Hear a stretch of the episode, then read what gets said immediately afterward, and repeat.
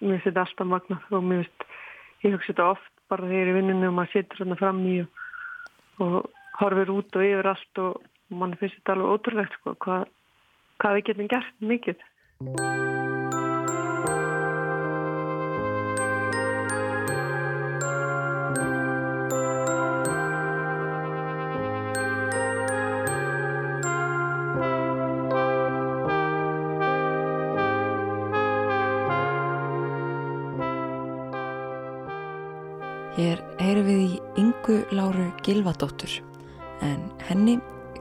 Betur síðar í þætti dagsins.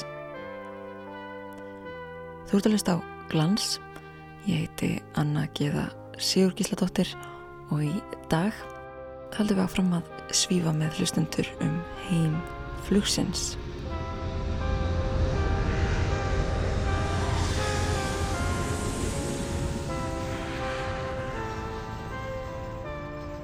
Í síðasta þætti skoðum við starf flugvirkja, gendum okkur hvernig bröðustur við fórtamalösum aðstæðum á keflauguflugvillið þar sem að fleiri flugvillar eru nú í kyrustöðu en fljúa um loftum blá. Í dag hugum við að öðru. Við heyrum í þremur reyndum flugmönnum og flugstjórum, fáum að skiknast á baku tjöldin, spyrjum meðal annars hvernig er tilfinningin þegar að flugvillin tekur á loft, hvernig var fyrsta flugið, hvert er það eftirminnilegasta og hvenar kviknaði flugáhugin. Svona hljóða megin spurningar dagsins en við ræðum sitt hvað fleira til að mynda hvernig lífið sé nú á faraldurstímum þegar lítið er flóið.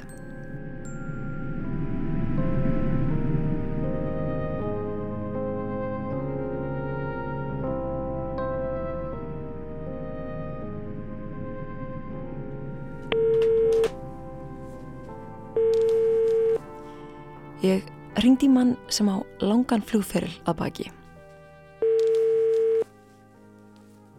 Hallgrimur. Sæl Hallgrimur, þetta er Anna Gíða hjá Rás 1. Sæl þessu. Hvernig hitt ég á þig? Bara ljómandi. Jæja, erstu þá til í þetta spjall núna? Já, já, já. Hann kynni sig svona. Og Hallgrimur Jónsson fættu 1942 á Akureyri og það er nú upphæðið að þessu. Ef við erum að tala um flugmál svo, þá fer ég í, í flugnám 1960. Þar, þar byrja minn flugferill. Og hvernig voru flugmál á þeim tíma? Þau voru mjög spennandi og, og uh, mikið um að vera. Uh, reyndar á þeim tíma og þarna er náttúrulega flugfélag Íslands á fullu og þeir eru í innanlandsflugi og millandaflugi og, og, og mikið grannlandsflug. Nú loftlega aðeins er byrjað og uh, ég er svo heppin að komast inn í það 1965. Mm. Þannig að ég náði svona í lokin á þessu. Það er að segja að við tölum flugulamál á, á flugið bæði, bæði DC-3 hjá flugfélaginu og svo DC-60 hjá, hjá uh, loftlegum.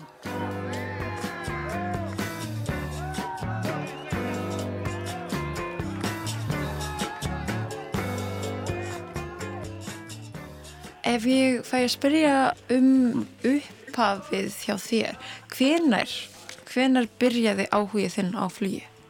Nei, hann byrjaði nú að matla þetta bara á úrlingsárum og, og með bleið með svona til, en, en sviflugið á Akureyri, að því ég er náttúrulega fættur þar upp alveg, það var ekki í, í miklu ljómað þá en, en var ekki eisilega mikil frum frumbyggi að öllu flugi og uh, sviflugfélagabæði Akureyrar og, og hérna Íslands að þarna byrjuðu mjög mikill uh, ég segi ekki meira hlut en mjög margir áður en fóru svo í velflugi mm -hmm. ég fór ekki í sviflugi, fór beint í velflugi þá á tjanúra gaman og var svo komið með atvinnupróf í mars 62 Já, og þú læriðir hérna heima? Ég læriði þetta allt hérna heima og svo flöði, það var hjá sitt, flugskólan sitt, er á síldaleit það líka, svo fyrir ég sjúkraflögi hjá Tryggva Helgasinni á Akureyri 63 og 4 en að þú spurður um að lært allt hérna heima þá fór ég til Breitlands og tók svo kvöldu bresk réttindi 64 byrjið á flugfélaginu 65 í mars og er þar í tæft ára og svo til loftlega sem ég var allar tíð í gegnum sammenningu og hætti þá 2007 65 ára hef mest flóið hjá uh, svo kvöldum æslandir eða flugleiðum eða hvort við kvöldum að flugfjárloftleiður og, og flugleiður og, og sjúkraflugið í, í þetta fyrstu árin. Já, mikið sjúkraflugið. Mannst þú eftir þínu fyrsta flugi? Já, já fyrsta flugið þegar maður flugur sjálfur, það er sennilega merkilegasta flug sem maður flugur, það er svo kallað solopról. Hvernig var það? Það er þarna um í lok 60, þá fer ég í fyrsta soloflugið og hafði flogið þá sjö klukkutíma með kennara. Hvert flögstu? Ég flög ringflög henni yfir Reykjavík aðlega, og það var kallað að fara í lendingar mm. og þá syndi maður brótumvaran lendingar og hann stóð niður á flög fyrst með manni í þrjá lendingar svo yfirleitt fór hann út og sagði farðun út er einhver sjálfur og þá fór maður og, og flýgur í fyrsta skiptu og þetta er stærsta prófið. Hvernig var tilfinningin? Hún var eh, blendin í fyrstu en, en svo var hún ekkert um ágætt. Það varst ekki trættur þegar þú varst einn? Nei, ég fatt að það nú ekki. Það hefur aldrei verið. Þetta var mikið próf og, og þarna erum við á litlum kjænsluverum og ég á nú reynda hlut í svona vel ennþá og meira sér einni sem við lærum á. Hún er í uh, fullu flögi og ég er enn á fljúinni. Ég var á fljúa einni gæri þannig að ég er ennþá á fljúa þessu. Hvar er hún? Önnur er á Akvarir og hinn á Haukadalsnell, uh, stjórnangavöldsíslu það sem að ég á suma bústað og við eigum félagar saman flugstíli og geymum þar flugular og flugur. Er það þannig á Íslandi? Máttu fljúa hvinna sem er, hver sem er og mátt bara eiga þína flugvel eða þú ert fljúmaður? Já. Þetta er bara eins og eiga bíl í rauninni þá? Já, en þú verður að viðhalda þínu réttundum. Þannig að grunnréttindin er náttúrulega að vera með helbreyðsvotor í lægi og enga flugmaður þarf að fara einu sinna ári, 12 mánuðar fresti. Hallgrimur sagði á hann frá því að hann hefði unni mikið við sjúkraflug á ferli sínum. Ég spurði hann nánar út í það. Sko, snillíkurinn og frumkvöldin í sjúkraflugi í Ísland er náttúrulega Björn Pálsson og hann gerur út frá Reykjavík og hann saga það er held ég verið að skrifa hann og koma henni á prent og við erum að fara að halda síningu í flugsafni Íslands um sögubjörns Pálssonar. Hallgrímur var fljótur að nefna Björn Pálsson í samhengi við sjúkraflög á Íslandi. Skúli Jón Sigurðarsson rak aðteglisverða sögubjörs í morgumblæðinu fyrir núrumum áratug síðan en þar segir hann sögans án Eva eina merkustu sögu íslensks flugmanns.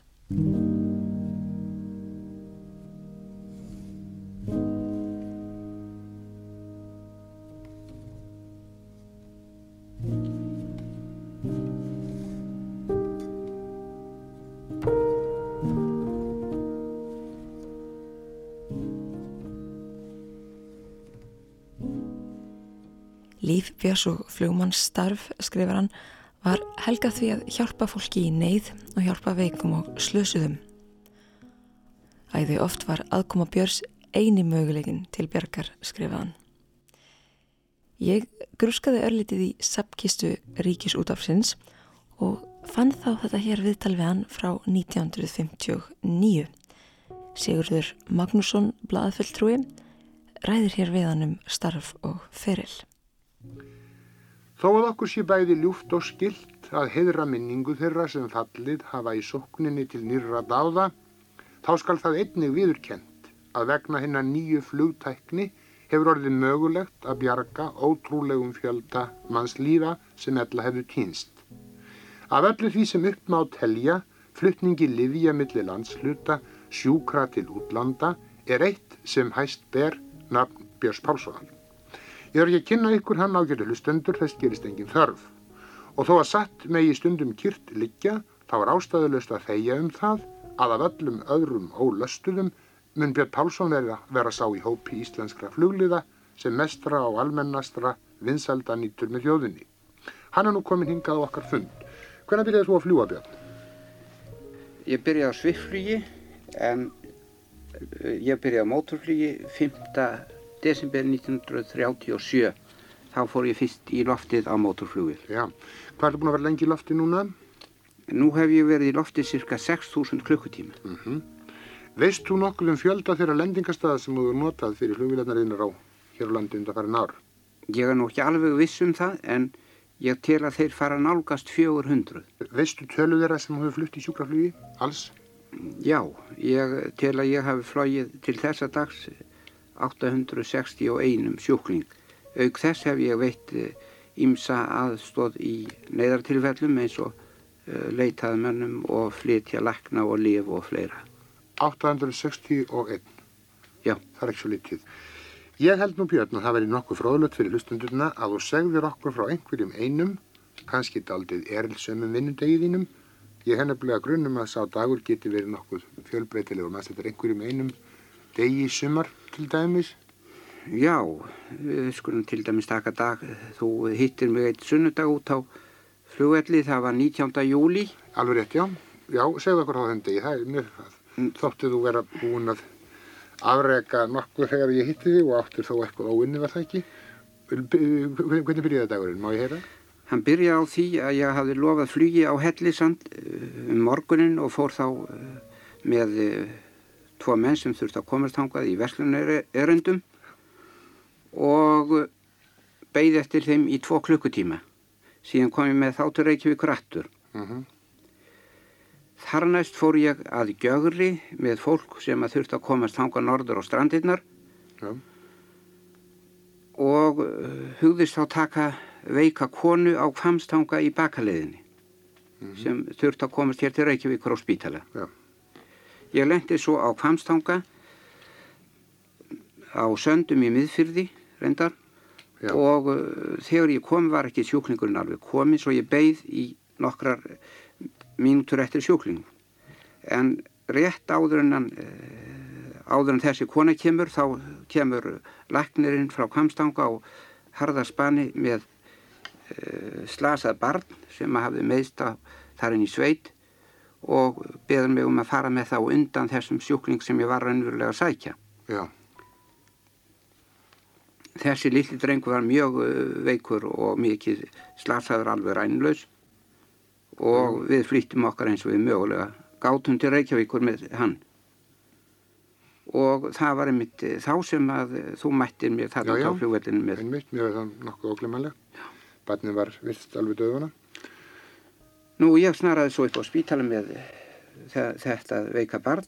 Já. að því búinu þá fór ég með dreng norður að Breiðuvík á hjá Patrísfyrði hann þurfti að komast þangað. Svo þurfti ég að koma varalhut í fristihús á Hellisandi. Ég hafði nú tekið hann með mér svo ég gæti komið honum til Hellisands í bakalegin síðan, uh, síðan fór ég til Reykjavíkur aftur en nú var eftir að sækja konuna á Kvamstanga Já. og ég gerði það nú ekki fyrir vegna þess ég var að reyna að sæta lægi að taka læknirinn með mér norður sem hafði komið með slasaðadreinum söður Já. svo að ég eh, fór þarna sem sagt Já. næst á eftir með læknin frá Kvamstanga til uh, altså norður Já, og tók tilbaka veikukonuna og móðir drengsin sem að meittist tók hana tilbaka til Reykjavíkun nú þá var klukkan að sjálfsögðu orðin allt margt og byrjaði nýr dagur. Já, hvað var þetta eh, langur viðnum dagur?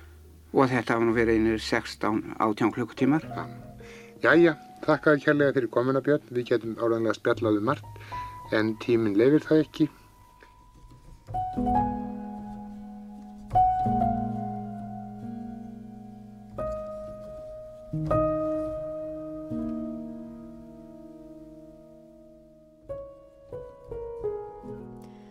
Við spjall þeirra Sigurðar Magnússonar Blaðafulltrúa og Björns Pálssonar Flúmanns. En Björn var frumkvöðli í sjúkraflýgi hér á Íslandi. eins og aður segir er upptakan frá 1959. 14 árum síðar var Björn farþegi í flugvilinni TF War sem var á leið frá Akureyri til Reykjavíkur og lest þá á samt fjórum öðrum er vélinn skall til jarðar í Búrfjöllum norðan við Langajökul. Það var þannig að mikil ísing hlóðst á vélina og hreflanir mistu afl. Sjúkraflug er vafalist ekki eins í dag og það var á þeim tíma er björnflög með slasað fólk. Ég spurði Hallgrím út í breytingarnar í þeim öfnum. Hann minnist þess að þegar að hann var að byrja hafi vélarna verið ansi litlar. Þarna verið að fljúa tvekja hrefla vél og það var einn sjúkrakarfu um borð og við gátum í þessum tilfellum verið með lækni en, en það var mjög sjaldan sem það var. Af því það var ekki pláss fyrir fleiri? Nei, það var pláss bara fyrir einn. Já. En í dag er ég að fljúa samskona vel og sjúkrafélinn og ég er til dæmis þjálfunar stjóri fyrir mýflug, sjúkraflug. Það er eina mínum aukavinnum í dag og munurinn á sjúkraflugi dagsins í dag og þá og ég tala nú ekki um þegar bjöldbyrjar. Mm. Þetta er alveg bara með ólíkindum. Sko. Værið til að segja okkur, hver er sá munur þá aðalega? Hann er náttúrulega fyrst og fremst í tækjabúnaði og þjálfur manna og þannig erum við að tala um vélar, afkasta mikla vélar sem með jættfristi búnaði í dag þannig er að flytja tvo sjúkling í dag og lækni og hjókrunarkonu og þannig eru græjur um borð sem, sem eru mikil hjálpatæki og eins og ég sagði þjálfuninn og undirbúningur ná öllu þetta er gjörólegt. Já. Gjörólegt. Hvað eru margir sem starfa þá við sjúkraflug í dag á Íslandi? Sko mýflug er náttúrulega aðal pósturinn í þessu og ég á náttúrulega vita það eitt fyrir þrýr því að ég sjálfa þá í, í flughermum alla. Ég vona að ég má ekki engjan að engan hvort þeir eru tólf. Þarf að tellja það upp á puttunum. En er mikið ég... um sjúkraflug þá almennt dagstaglega? Já, já. Alltaf hverjum degi? Ég skilst að þeir fljúi svona 6-800 flug á ári.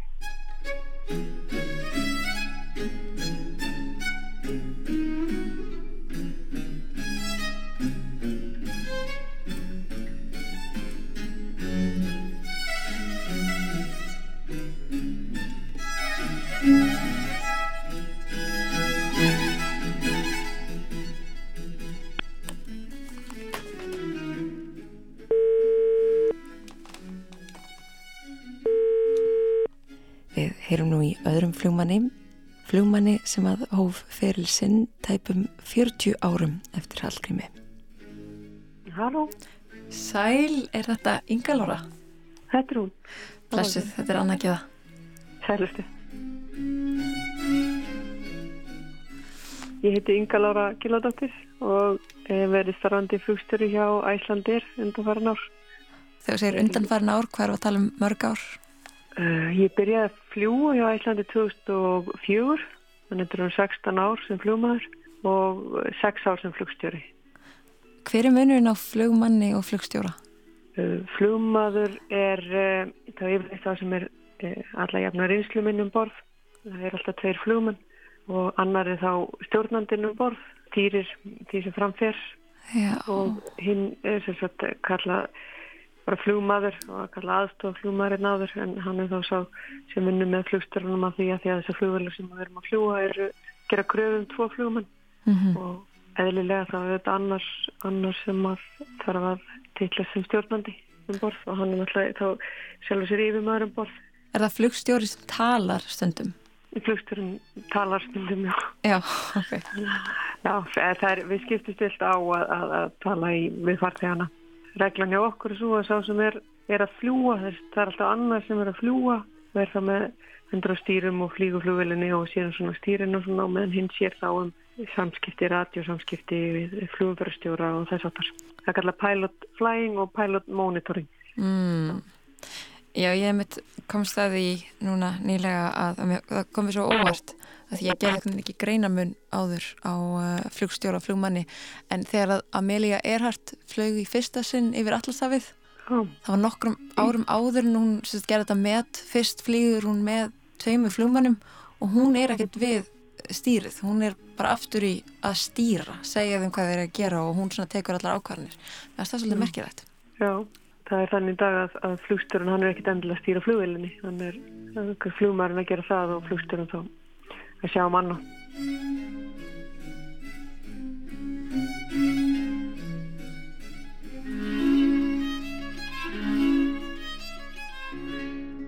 Hvena vissuru að þú vildir verða flugmaður eða flugstjóri?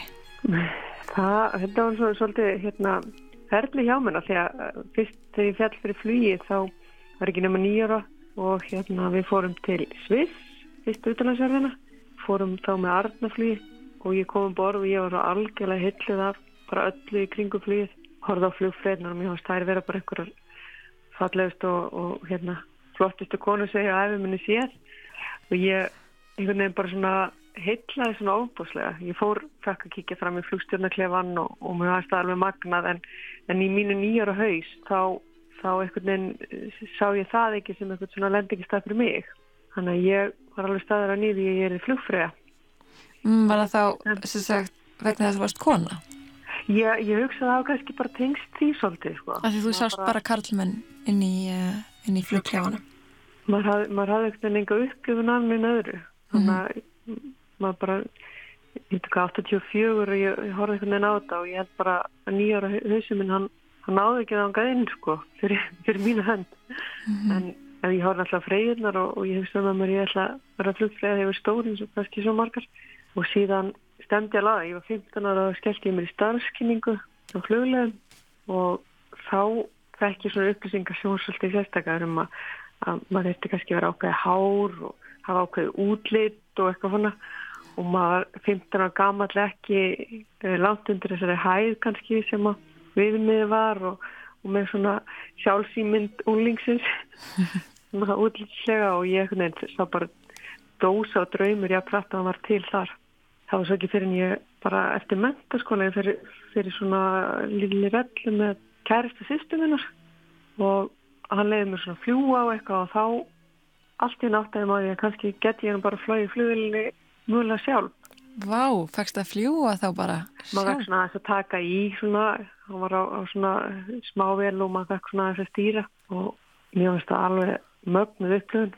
Svo byrjaði ég að vinna hjá Æslandir 97, var þá í flugvisjón og þá fór ég svona að sjá konum bregða fyrir, það var nú ekki marga, voru fjóra þá. Ég sagði svona bregða fyrir um að svona hægt og rólega þá svona voru ég aftam á því að kannski það eitthvað sem ég geti mögulega gert líka þannig að hægt róla þá, þá síast inn svona þessi hugmynd að ég hafi mögulegana því að það verða fljómaðar alveg svo aðris mm -hmm. og fór í enga flugið samt svona ekki alveg eitthvað búin að niðurnægla það að ég er aðtunum fljómaðar en það margir svona sér töldu að það væri ólíklega að fá vinnu sem kona á þeim tíma og svona Og þetta var samt en, svona um aldamótin?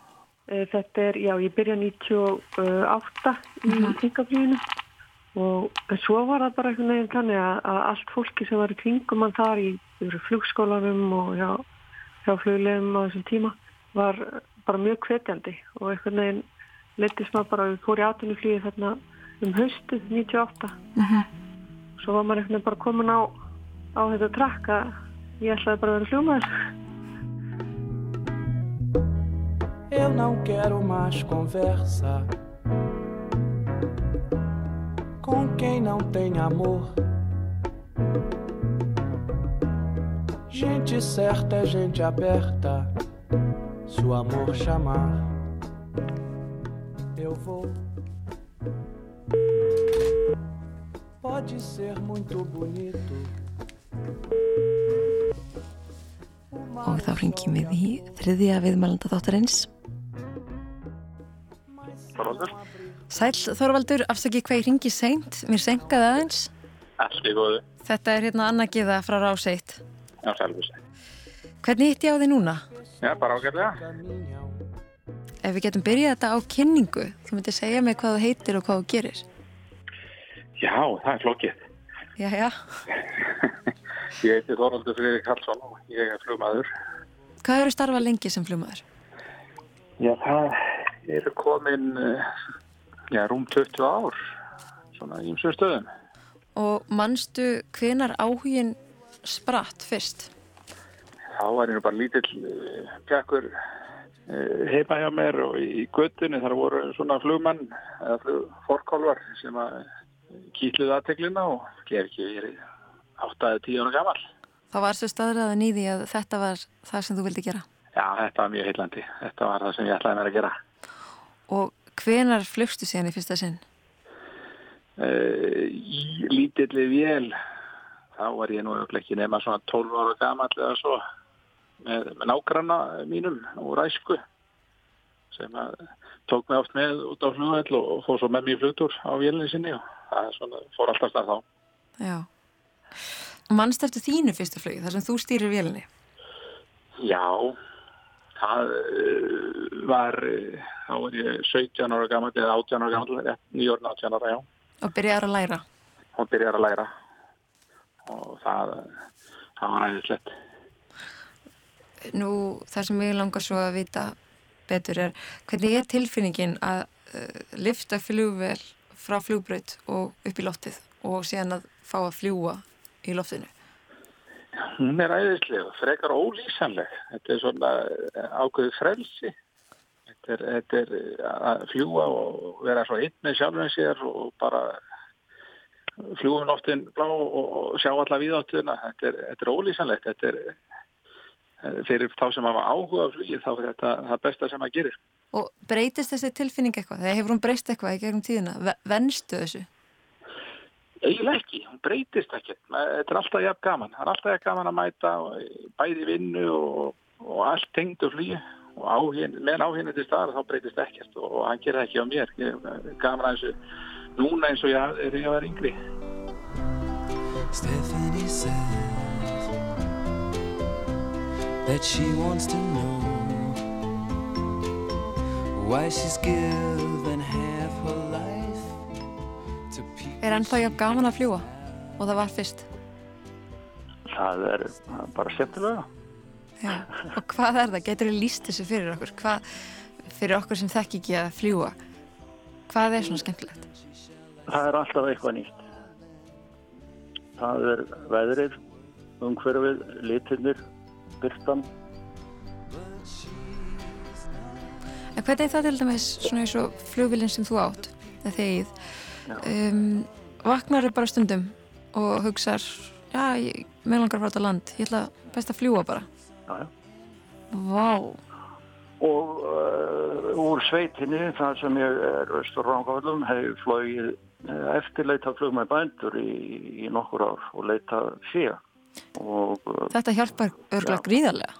Við fundum 28 rollur í fyrra og og þarna er flóið einum allt og, og með heimamann fyrir alltaf sem þekkir, þekkir landið alveg út og inn miklu miklu betur en ég er að við flugum þannig að þetta er della og svo við viðbótarum fluginu erum náttúrulega búin að fljúa ábyrgafluginu Pálu Sveinsinni og, og flöginni þanga til í fyrra þanga til að stoppaði og verið flugsafninu á akkurir þannig að þó ég hætti sem atvinnumflugmaður að fljúa með farþega 2007 þá er ég ennþá fljú og flýði yfir 100 flugtíma ári.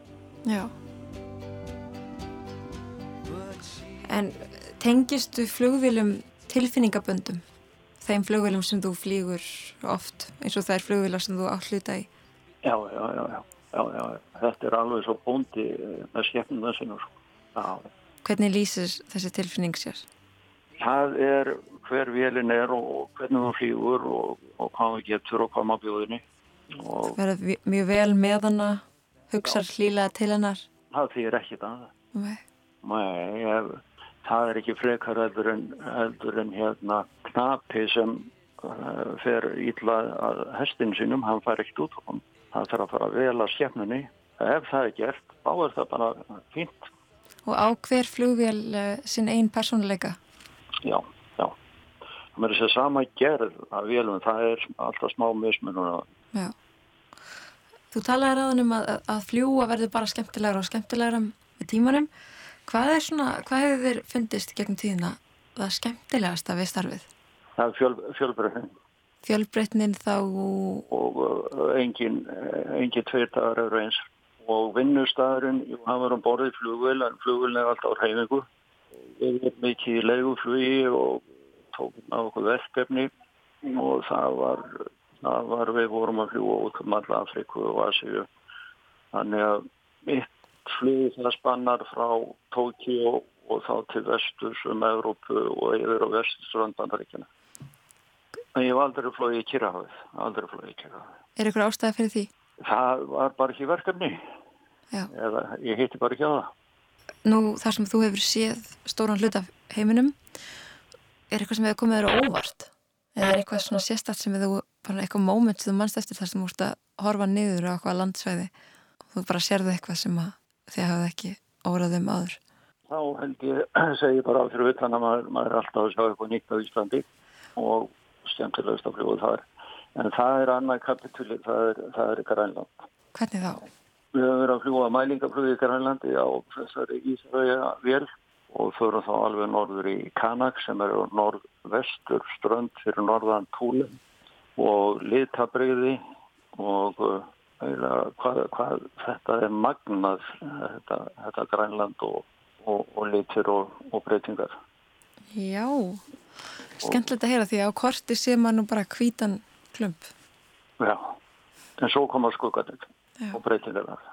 Og svo náttúrulega eru við fannir að sjá mikið uh, dökkulíðarnar á þessu, það er að segja hvað jökullin er að hópa í það. Þú sér það bara? Já, það sést bara með berum ögum alveg. Mm. Það er ólíkjendum. Er eitthvað eftirminnlegt flug sem þú mannst eftir? Það var bara eitthvað eftirminnlegt sem gerðist í fluginu eða, eða eitthvað eftirminnlegt sem þú hefur séð náttúrutengt? Já, Ég, maður sérstaklega eftir e, flugum tveimur sem ég átti í bandaríkjana þá var ég að fljúa þar enga þóttu sem flugum ég hátt og hratt og fyrsta skipti sem ég sá bógarlinur jarðar bara með eigin augum voru það hátt að maður sá hvernig jörðin e, að var actually, na, kúft, maður sá bógarlinur jarðar Vá, hvað, hvað þarf maður að vera hátt uppi til þess að sjá það? þá er ég komin upp í 45.000 fett sem er ansi hátt í þessu meðan að farþegar vilja þetta er að fljúa svona 35.000 fett cirka þá þetta er tölvist herra. Og hvað er í kringum þig á þessi, í þessari hæð, það er að segja sko gíin eru vantilega langt fyrir neðan hvernig er umhverfið? Engin skíalofti, þetta er engin skíalofti og maður sá bara víðáttur sléttur, ég man eftir að maður sá þetta þetta var yfir e, Nýju Mexiko og það var alveg bara auðin og flatlendi og maður sá alveg bógarlínu jarðar og það var að fara rökk og maður sá alveg hvernig skílinn eru og þetta var alveg æðislega tilvinning að sjá þetta. Var þetta ólítið sem þú sér það myndum? Já, að fá að sjá þetta með og bera þetta einu augum að það er tölvörstöður í sig held ég. Ég kann alltaf lýsa því sko. Þannig að þetta var svona eitt af þessum flugum sem að maður gleymir ekki.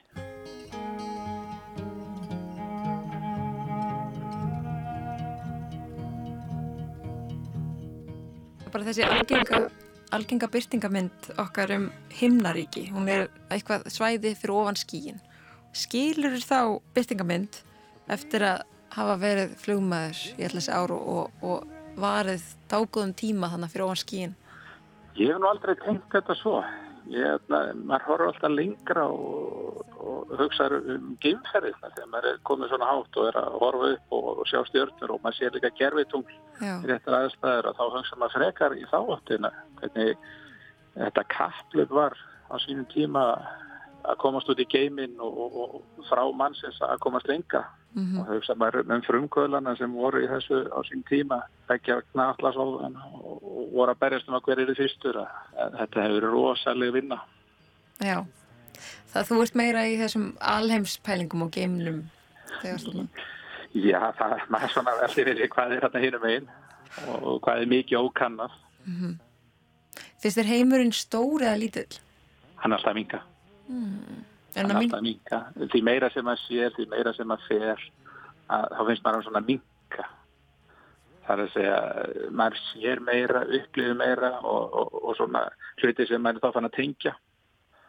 Og fyrir mér þá svona kannski mingar hann að því að það eru auðveldra að fara og ferðast. Maður kemst ansi við það meira heldur en maður gerði áður. Og hérna bara fyrir okkur þá er orðið hlutværslega útir að ferðast og maður getur gert meira og maður leitur kannski drauman að rætast meira. Mm -hmm. Eitthvað neginn sjálf hefði ég haldið að því meira sem ég sæi því stærri er þið heimurinn. Já, ég held það líka. Mm. En, en svo þegar maður er bara búin að fara við það, ég fór í mínu starfi í, í sex heimsálfur á, á, á sex mánuðu, maður var út um allt á mjög stöftun tíma og, og það svona myndi valla hvað maður var þegar maður vaknaði á mótana. Þannig að þetta var svona svolítið skrítið til þetta.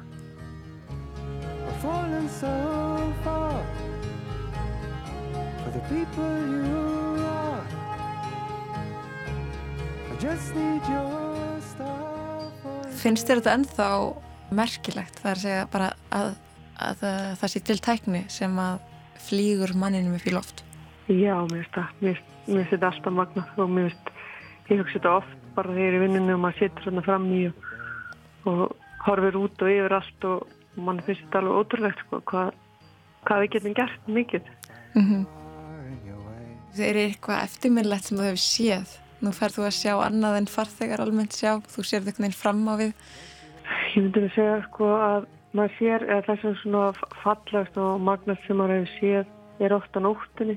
Að horfa á stjórnhiminin kannski og, og norðurljós sem eru ólík ykkur sem maður sér þegar maður neyra jörfinni. Mm. Maður er komin í svona ábúslegt myrkur og maður sér norðurljósin þannig langt og auðað eigir einu sinni á var ég að koma frá það var eiginlega magnasta sjónin það var að koma frá í næturflýju frá Danmörsku og ég horfi yfir og það eru norðurljós, alveg fílik norðurljós og svo sáum við uh, svona appi sínugul af litin af að það var hérna hólurraun í gangi og það sá maður svona raun, glóðandi raun og norðurljósinn og það var eiginlega alveg ótrúlega mögnusjón fannst mér.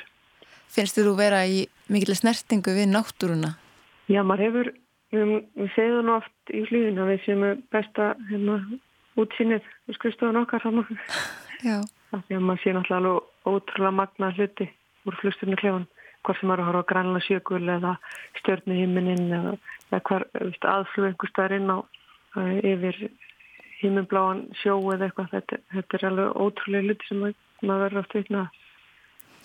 Það er þekkt meðal geimfara að tala um og nú mann ég hvað heiti það heit ég held að þau kallið það the overview effect það er að þegar þeir eru farnir frá jörðinni eru upp í hérna einhverjum alþjóða geimstöðinni eða eitthvað að horfa á mhm. jörðina þá ómeðvitað bara breytist skinnjun andleg skinnjun mannsins á tilvörni þeir Já. bara upplifi ekki lífið lengur eins sjá svo áþreifanlega hvað plánetan okkar er lítil það, það setur allt í annað samhengi finnst þér þið flugumenn upplifa eitthvað slíkt, eitthvað svona kannski aðeins öðruvísi en, en samt á söpum nótum? Já, ég hef svona kannski náttúrulega ekki í þessum mæli sem gemfara að gera en ég hef átt svona stundir þar sem maður er að fljúa og það kannski nótt og heiðskilt maður sé svona stjórnubjart og svo horfið á tungskinni svona varpa ljósinu yfir jörðina og þú sér svona votta fyrir boga íni jarðar og maður horfir út í eila alheiminn og maður verður svolítið lítill allt í einu. Svona, maður hugsa svona í stóra sammenginu hvað hva maður er lítill og maður verður svona svolítið auðljúkur finnst mér mm. svona gagvart þessum mikilfengleika og þessu, þessu, þessu ótrúlega fyrirbæri sem bara alimurinn er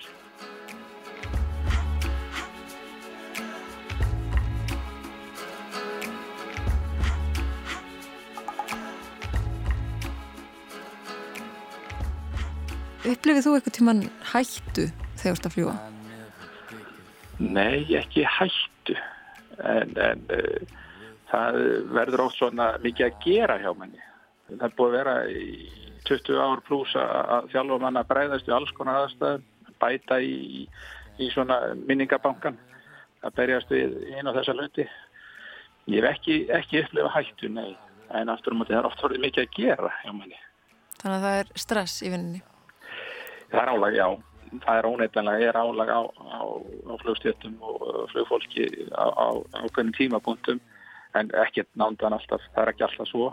En hvernig upplifur þau ábyrði í starfi? Því að í flugi eru þau með kannski 150 til 200 eða fleiri farþega. Hvernig er svo ábyrð? Er, er hún aldrei erfið? hún, hún er ekki erfið en hún vand, vand með farin. Hún er, það er greiðilega ábyrg sem kvíluð herðum okkar. Já. Þegar ég stíðum borðið loftfara þá er maður ábyrgur fyrir, eins og segir, 150-250 manns pluss og, og það er e, vinna að koma fólki á örugan hátt á milli staða. Maður ber ábyrð á farþjóður, maður ber ábyrð á áöfnin og loftfærinu. Það þarf að vanda til verka og maður finnur alveg til ábyrðarinnar mm -hmm. og, og, og það þarf að, að virða hana og fara vel með hana. En það er alltaf ekki þannig ábyrð þannig að, að, að ekki bugandi ábyrð? Hún er ekki bugandi en þetta er, þetta er skal ég segja, er þannig að við þurfum að fara í símentur, við erum endalust í endurmentur mm -hmm. og við þurfum að taka próf uh, lágmarkið tviðsar ári til þess að fá að halda fram að starfa, sína fram að við höfum það sem til það og, og að við getum staðindar þessar ábyrð.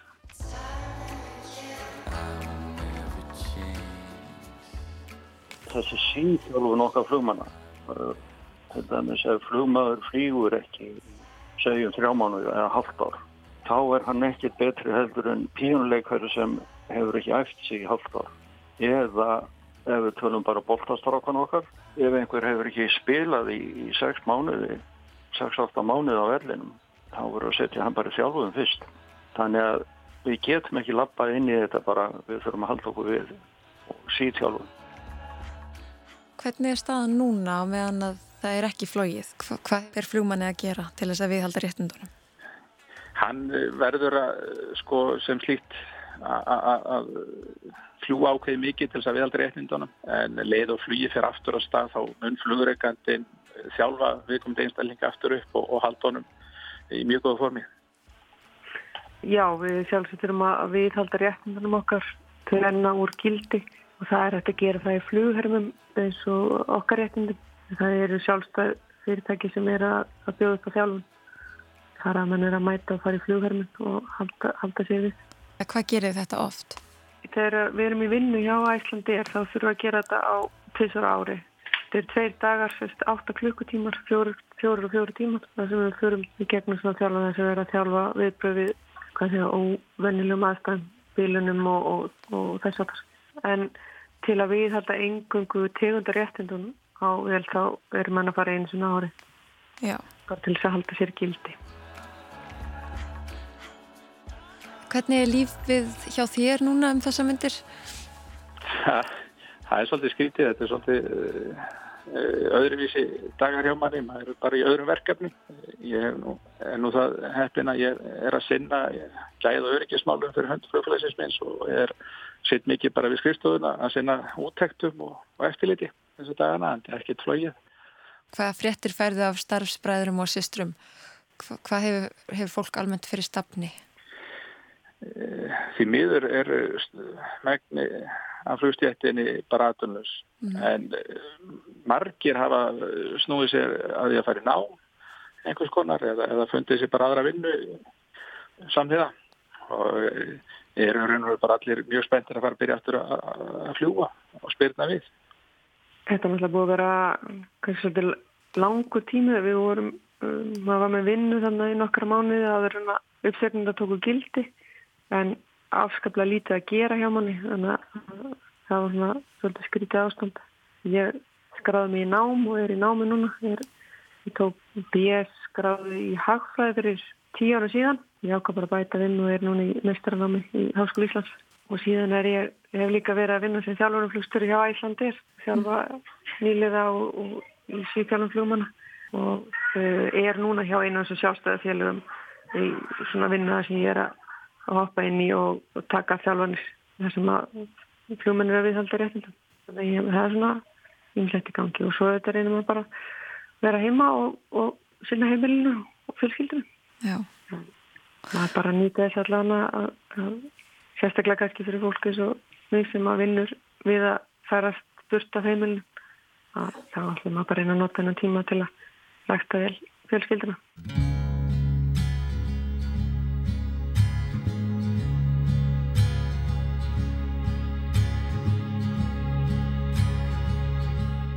Nú hefur ímislegt í gegnum tíðina haft áhrif á flugþjónustu, efnagskrappur, náttúruhamfarir, eigafallegi gull þar að meðal, flugslis og svo framvegis.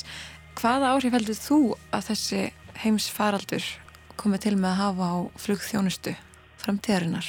Ég held að flýi muni ná sér að stryka aftur. Við erum alltaf búin að horfa á alls konar hluti gera þess að fólk held að hlutinir myndi ekki ná sér aftur alveg svo eftir 9-11 eins og kallað að þegar þeir flugun í törnana og fólk held að nú myndi enginn fljúa aftur og þetta er bara er mjög dramatísk dramatísku samtráttur en hann, hann varði ekki það lengi það gera og það var svona fyrsti mín fyrsta niðursöfla í flýinu þá var ég nýbúin að klára allt tilbúin til þess að fara og sækjum vinnu sem flugmaður og það náttúrulega fór allt í frost þá 2001 maður var svona orðin smá örvendingafullur en á tímbili en þetta tók ykkur 2-3 ár þá fór alltaf stað aftur alveg örvendi syklingu ég man eftir ég að þegar ég var ég var á skrifstofu fluglega á þessum tíma og þetta var áður en að þeir breyta þessu í Æslandir og þar var yfirflugstöri að vinna mm, Hallgrími Jónsson kallaði Móni og ég fór til hans og ég var orðin svolítið svona úrkula vonar um, um, um ástandi og þá sagði hann flýið er þannig að stundum rignir, helli rignir og stundum skín sól. Og hann sagði farði nú, naður í reglíf býtu þetta að þér en passaði á meðan að halda þær við og vera algjörlega tilbúin þegar sólinn byrjaði að skína.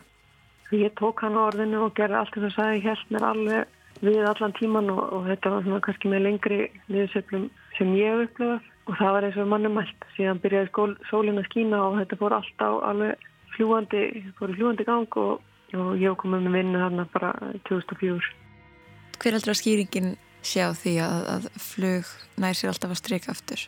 Er það bara að, að maðurinn er flökk og kind, það vil ekki vera innilokaður á eigi eins og er dæmið hér á Íslandi til dæmis?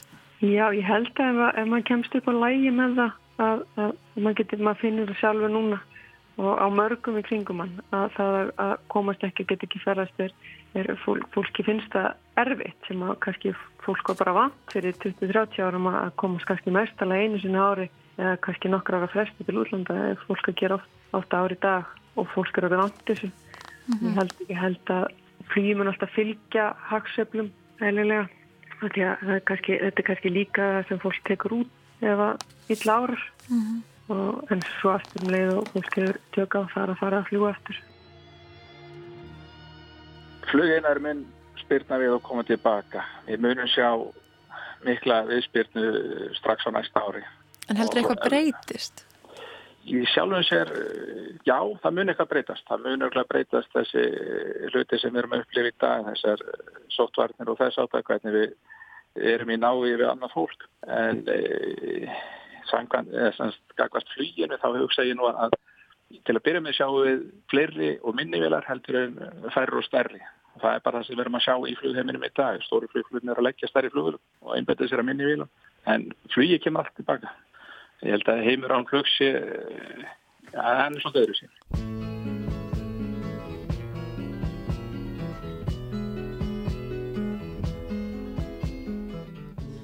Einn hliðarspurning Já.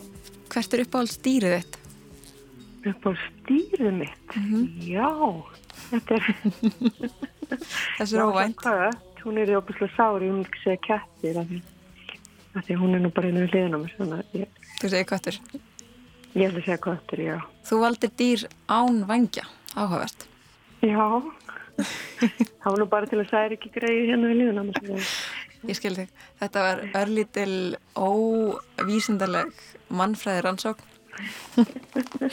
Þú tapaðir allavega minni tilgáttu. Bara búast við flugdýri. Ég skilði það er ekki svo erfitt að, erfitt að fanga flugdýrin þannig að þau svona maður er kannski erfiðar með að tilenga sér dýr sem er erfiðar að nálgast. Ég skilði ég skal held áfram með þessa þessa spurningu mína, sé hvernig það kemur út með all annara flugstarfsmanna. En Já, hvað, jú, að halda áfram með óformlega konun mína Ég er hérna með eina spurningu sem ég hef verið að spyrja hérna líka sem að er svolítið uh, ótengt efninu en sjáum hvað gerist. Hún er, hvert er þitt uppáhaldsdýr? Já, ég er mikill hundamæður. Já, hvers vegna?